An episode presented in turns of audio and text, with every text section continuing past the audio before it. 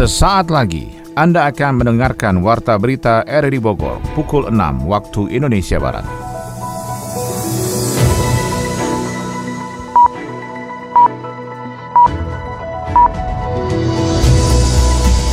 Selamat pagi dan salam jumpa. Kembali kami hadir dalam Warta Berita edisi hari ini, Rabu 23 Maret 2022. Siaran ini bisa Anda dengarkan melalui audio streaming pada aplikasi RRI Play di perangkat smartphone Anda dan turut disiarkan Radio Tegar Beriman Kabupaten Bogor. Berita utama hari ini adalah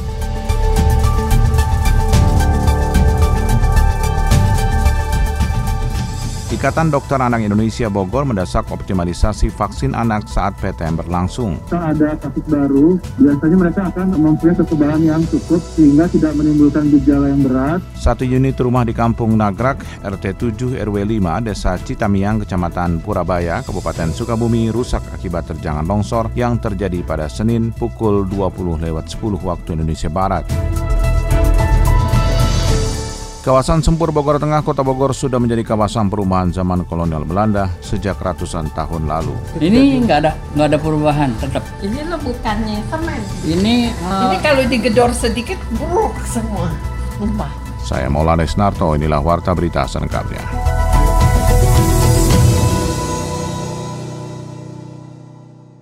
Ikatan Dokter Anak Indonesia Bogor mendesak optimalisasi vaksin anak saat PTM berlangsung. Laporan disampaikan Sony Agung Saputra. Dunia pendidikan dari sekolah dasar hingga SLTA di Kota Bogor mulai bergerak melakukan pembelajaran tatap muka setelah Satgas COVID-19 tempat memperbolehkannya. Saat ini semua kegiatan belajar mengajar berlangsung meski dalam keterbatasan kapasitas sehingga untuk peserta didik harus bergiliran masuk ke sekolah. Ketua Ikatan Dokter Anak Indonesia Bogor, Agung Indra menjelaskan, dalam proses pembelajaran tatap muka harus tetap memperhatikan faktor untuk memutus mata rantai penyebaran COVID-19.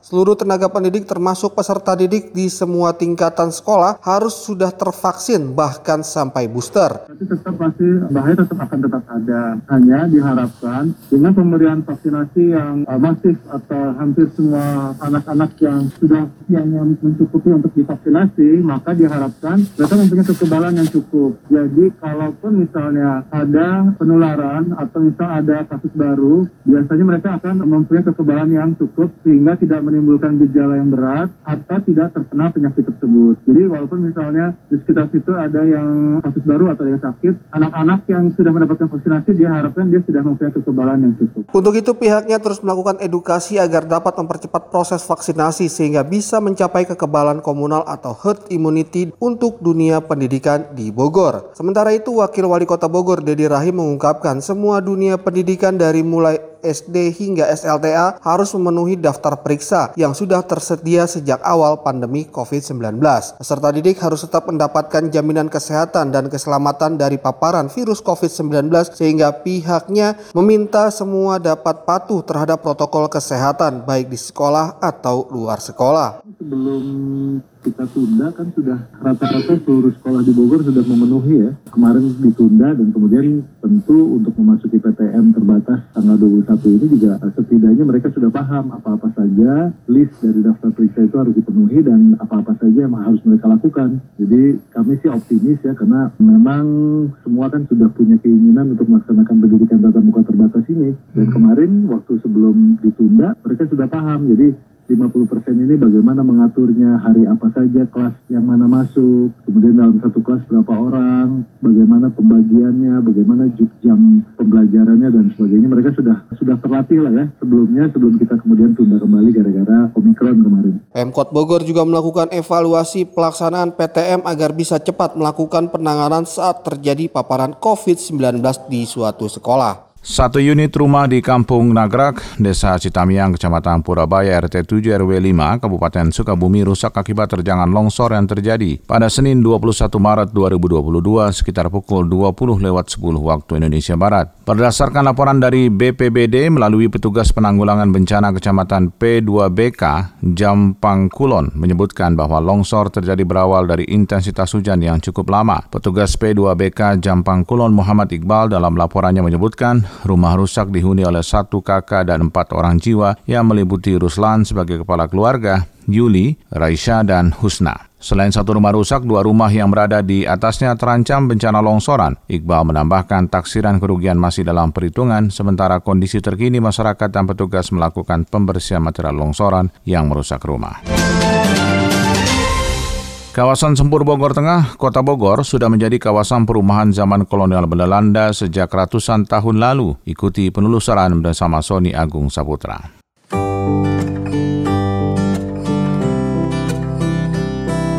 Kawasan Sempur Bogor Tengah Kota Bogor sudah menjadi kawasan perumahan zaman kolonial Belanda sejak ratusan tahun yang lalu. Jejak perumahan elit kawasan Belanda itu masih terlihat hingga saat ini dengan adanya rumah-rumah berciri khas arsitektur kolonial negeri kincir angin tersebut. Kawasan Sempur Kota Bogor menjadi satu hamparan dengan lapangan dan sungai Ciliwung yang berbatasan dengan istana dan kebun raya Bogor. Daerah tersebut juga mempunyai wilayah di bawah Jalan Jalak Harupat dengan adanya jalan lingkungan yang mengelilingi kawasan Sempur. Salah seorang tokoh masyarakat kawasan Sempur Edwin mengungkapkan perumahan sudah ada sejak zaman Belanda bahkan banyak jejak sejarah yang masih tertinggal seperti tanda pengenal dari tahun 1930 dengan adanya peneng bertuliskan Ratu Wilhelmina. Kemudian banyak rumah yang masih mempertahankan arsitektur zaman kolonial dengan adanya beberapa bagian yang masih asli terutama atap pilar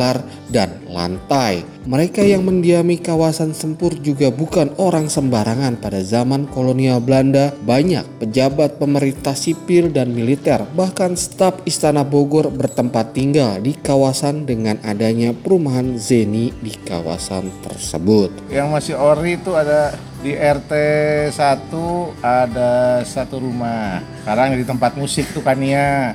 Yang kedua rumahnya Bu Yuli di RT 3. Oh iya kan ya itu udah cagar budaya bro. Satu lagi ada rumahnya Um Yohanes, rumah Belanda juga. Ada rumahnya Ibu Yuli, itu di RT 3 semua lokasinya. Setahu saya baru cuma tiga rumah dulu ini dulu ya. Yang lain ada zaman Belanda tapi sudah direhab. Aslinya seperti masih ada peneng nama nama yang penghuni yang dulunya tuh ada di rumahnya Ibu Yuli itu. Yang satu lagi pun di rumahnya Om Yohanes pun masih asli itu bentuknya.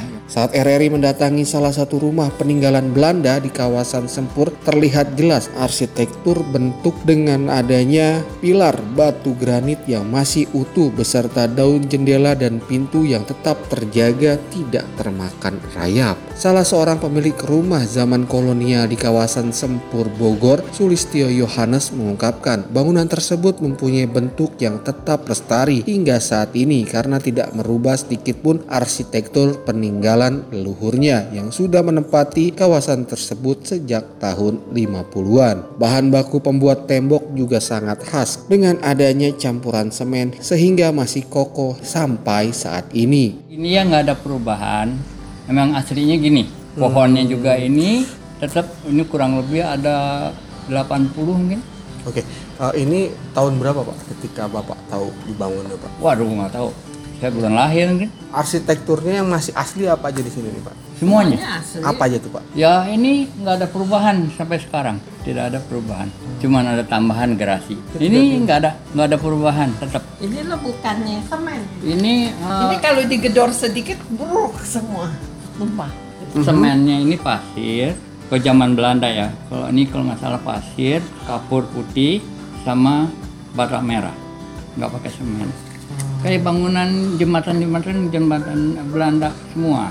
Bangunan peninggalan Belanda memang sudah secara turun-temurun ditempati oleh generasi bangsa Indonesia yang hingga saat ini berada di kawasan Sempur. Salah seorang warga Sempur lainnya, M. Sarjana, menjelaskan banyak rumah peninggalan pejabat zaman kolonial Belanda sudah beralih fungsi ke masyarakat Indonesia, khususnya warga yang meninggali kawasan tersebut secara turun-temurun. Masyarakat yang tinggal di kawasan Sempur juga merupakan pejabat atau pengusaha yang banyak berkecimpung di berbagai sektor pemerintah dan swasta. lapangan sempur itu bentuk sawah sawah yang belum dibentuk semacam lapangan terus di sebelahnya itu adalah ditempatkan oleh kompleks seni kompleks seni yang sekarang ini jadi kompleks seni itu ada satu di situ dua mungkin di atas lah di eh, DKT Terus banyak memang peninggalan-peninggalan yang lama. Terus seperti perikanan itu masih bentuknya dulu memang begitu. Jadi tidak signifikan lah perubahan-perubahannya. Dulu almarhum ketua RW Pamanang. Jadi gini, petugas karena ini adalah dekat lah dengan Istana Bogor. Jadi petugas semua ada di komplek itu zaman zamannya zaman dulu. Memang itu adalah tempat-tempat perwira. Tempat perwira di samping tempat perwira memang ada pasukan semacam gerak cepatnya di, di komplek itu Saat ini peninggalan rumah Belanda tersebut juga masih berdiri kokoh dan menjadi warisan generasi saat ini dan mendatang. Salah seorang generasi muda Sempur, Yusuf Ibrahim mengaku kagum dengan keindahan arsitektur khas zaman kolonial Belanda sehingga bisa melihat kisah di balik bangunan tersebut. Untuk itu Yusuf berharap agar pemerintah daerah Kota Bogor dapat memasukkan seluruh bangunan di kawasan Sempur dalam bangunan cagar budaya sehingga lebih mengoptimalkan pelestariannya. Menurut saya sih kalau Sempur lebih banyak sejarah karena emang kita sekitaran bendaya pak ya. Lebih asri sebenarnya Sempur tuh. Kalau tidak ada campur tangan kita bangun bangunan yang benar-benar modern gitu pak. Waktu dulu emang semua kawasan Sempur dari depan sampai ke belakang semua emang kawasan bangunan-bangunan Belanda kebanyakan. Harapannya ya kemungkinan kalau mau didesain lebih ke modern cuman nilai-nilai sejarah bangunannya jangan dihilangkan Pemerintah Kota Bogor juga menaruh perhatian terhadap pelestarian bangunan bersejarah di kawasan Sempur yang sudah ada sejak zaman kolonial Belanda. Sejumlah bangunan infrastruktur pendukung untuk menunjang aktivitas masyarakat juga sudah berdiri dengan adanya revitalisasi lapangan dan taman Sempur. Bahkan sudah ada pusat kuliner yang bisa dinikmati masyarakat saat datang di wilayah tersebut. Lurah Sempur Diki Pratama menjelaskan, upaya untuk pelestarian sudah ada dengan mendata rumah peninggalan zaman Belanda yang masih orisinil sehingga bisa didaftarkan ke Dinas Pariwisata dan Kebudayaan untuk menjadi bangunan cagar budaya. Ada beberapa rumah di Sempur ini ada peninggalan rumah Belanda lah. Rumah Belanda itu lokasinya di RW 1 RT 1 ya. Kemarin saya sudah meninjau ke lokasi. Memang bangunan ini masih asli lah. Ini dibangun tahun 1930-an kalau nggak salah 1930-an. Nah ini memang ini SK cagar budayanya belum masuk ya. Nanti kita akan coba upayakan melalui Disparbud ya untuk dijadikan sebagai cagar budaya karena memang rumah ini cukup lumayan lama. Jadi memang peninggalan zaman Belanda dan sekarang memang dihuni oleh keturunan keturunannya lah katakanlah seperti itu. Masyarakat di luar kawasan Sempur juga dapat ikut dalam pelestarian bangunan bernilai sejarah tersebut dengan tetap memperhatikan dan menjaga ketertiban umum saat mendatangi fasilitas publik sehingga keamanan dan kenyamanan bersama tetap terjaga.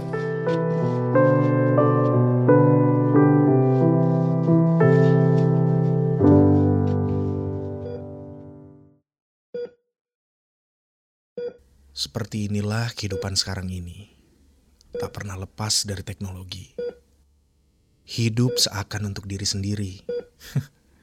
Begitupun juga dengan aku yang tak pernah lepas dari alat ini.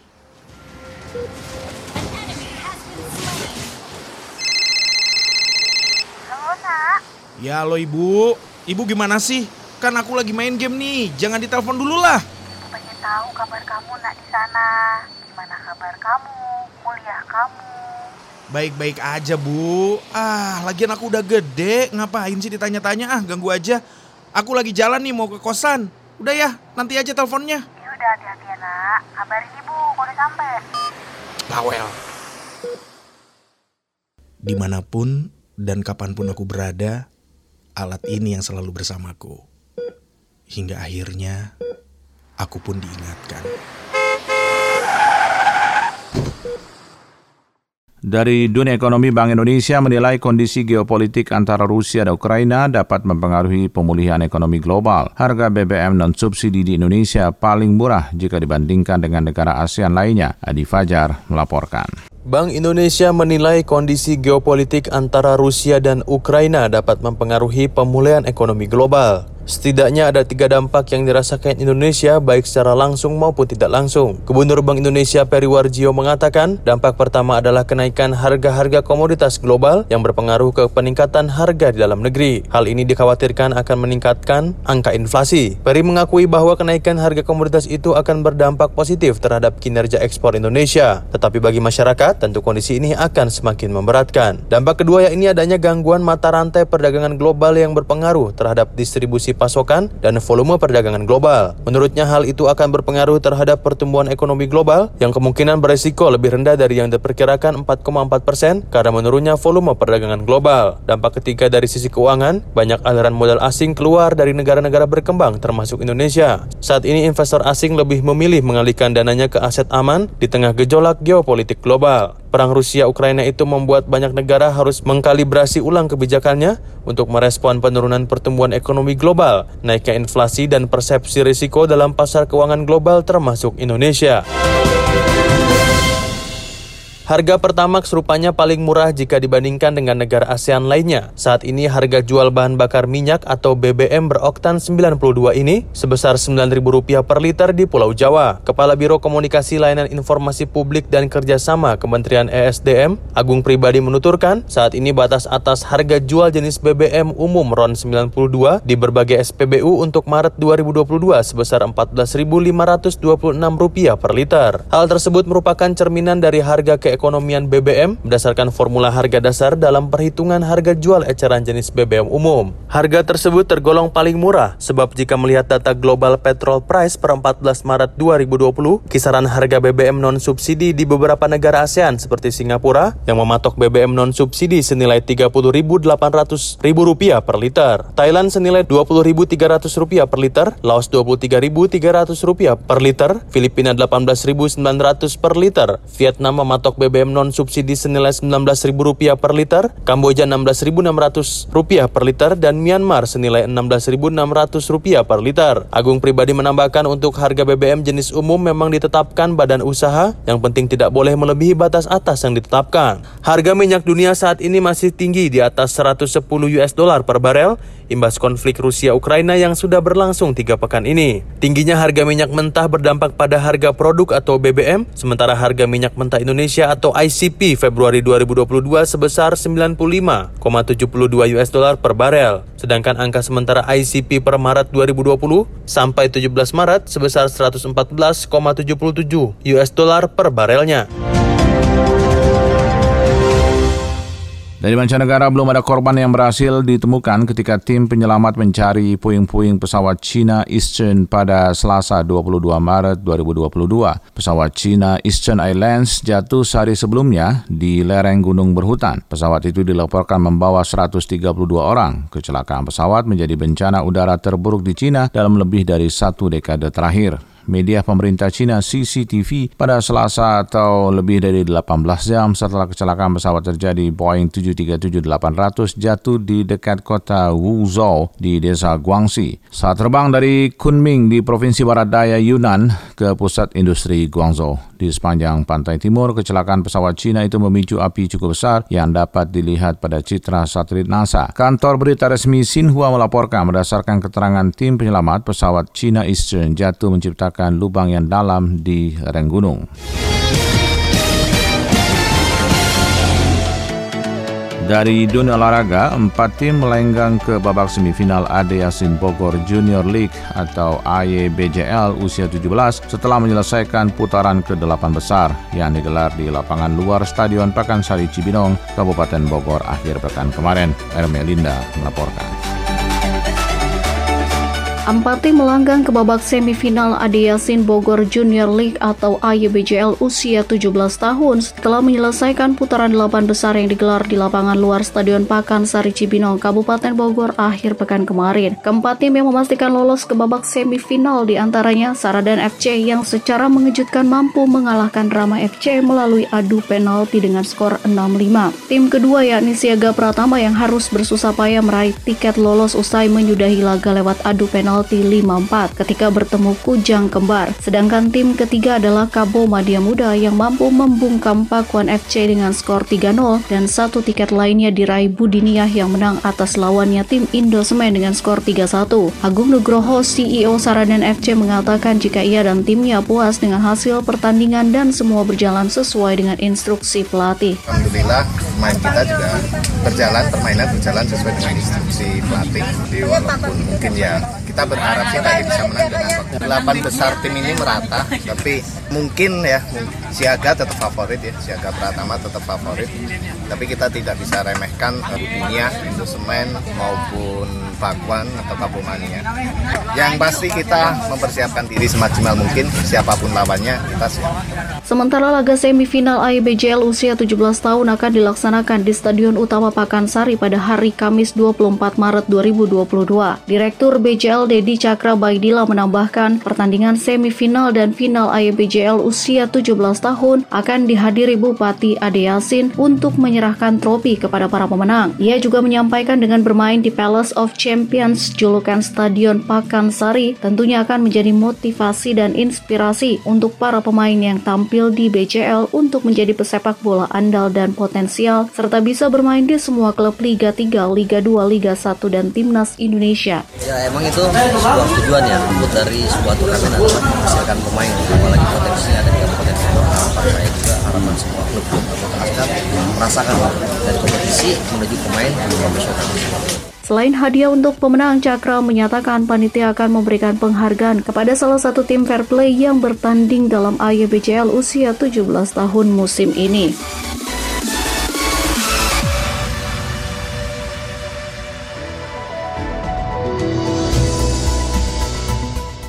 Demikian rangkaian informasi yang kami hadirkan dalam Warta Berita di edisi hari ini. Sebelum berpisah, kami kembali sampaikan berita utama.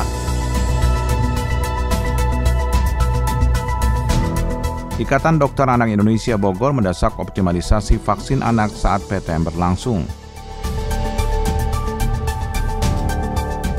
Satu unit rumah di Kampung Nagrak, RT 7 RW 5, Desa Citamiang, Kecamatan Purabaya, Kabupaten Sukabumi rusak akibat terjangan longsor yang terjadi pada Senin pukul 20 lewat 10 waktu Indonesia Barat. Kawasan Sempur Bogor Tengah, Kota Bogor sudah menjadi kawasan perumahan zaman kolonial Belanda sejak ratusan tahun lalu. Mewakili kerabat kerja bertugas, saya Maulana Estarto mengucapkan terima kasih. Selamat pagi.